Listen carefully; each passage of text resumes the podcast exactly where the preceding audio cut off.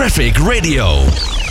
Ja, als je het vliegtuig neemt en het omweert, dan stappen toch de meeste mensen niet geheel relaxed ja, aan boord van dat vliegtuig. Toch is een vliegtuig beschermd tegen deze situatie. Maar hoe werkt dat nou precies? Nou, dat ga ik vragen aan Joris Melkert. Hij is docent luchtvaart en ruimtetechniek aan de TU Delft. Joris, goedemiddag.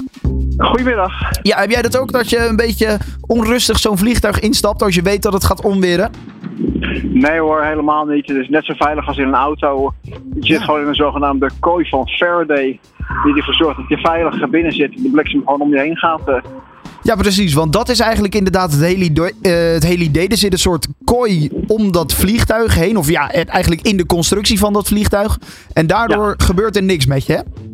Nee, nee, nee, de bliksem slaat wel in. Het zat er vaak in een neus in of weer even de vleugeltip. En, eh, maar wordt keurig netjes door de vleugels en de romp eh, weer geleid. En die elektriciteit, die statische elektriciteit, gaat weer terug eh, de lucht in. Dus daar heb je helemaal geen last van. Ja. En is dat dan nog iets speciaals wat erin is gebouwd? Of is dat eigenlijk ook gewoon de, de standaard constructie die het vliegtuig nodig heeft om nou ja, zijn vorm te houden?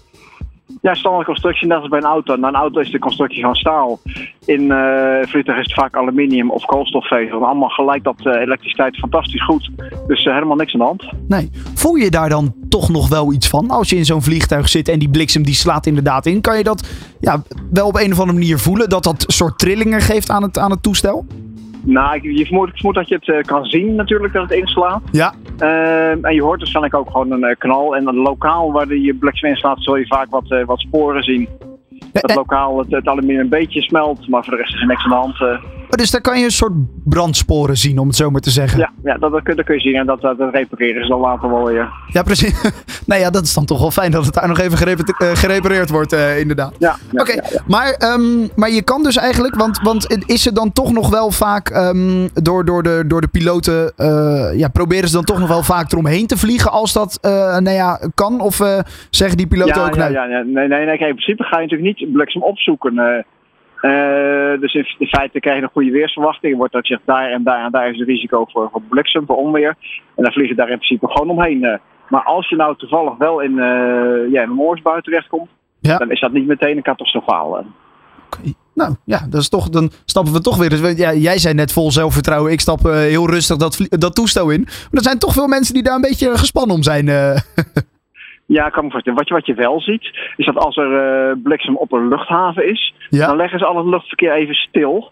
Eh, want uit moment dat je contact maakt met de gate, kan er misschien toch wel eh, elektriciteit overslaan. Ik heb het wel een keer gehad, stond ik te wachten op het vliegveld van Atlanta in Amerika. Ja. Brak daar een onweersbui uit.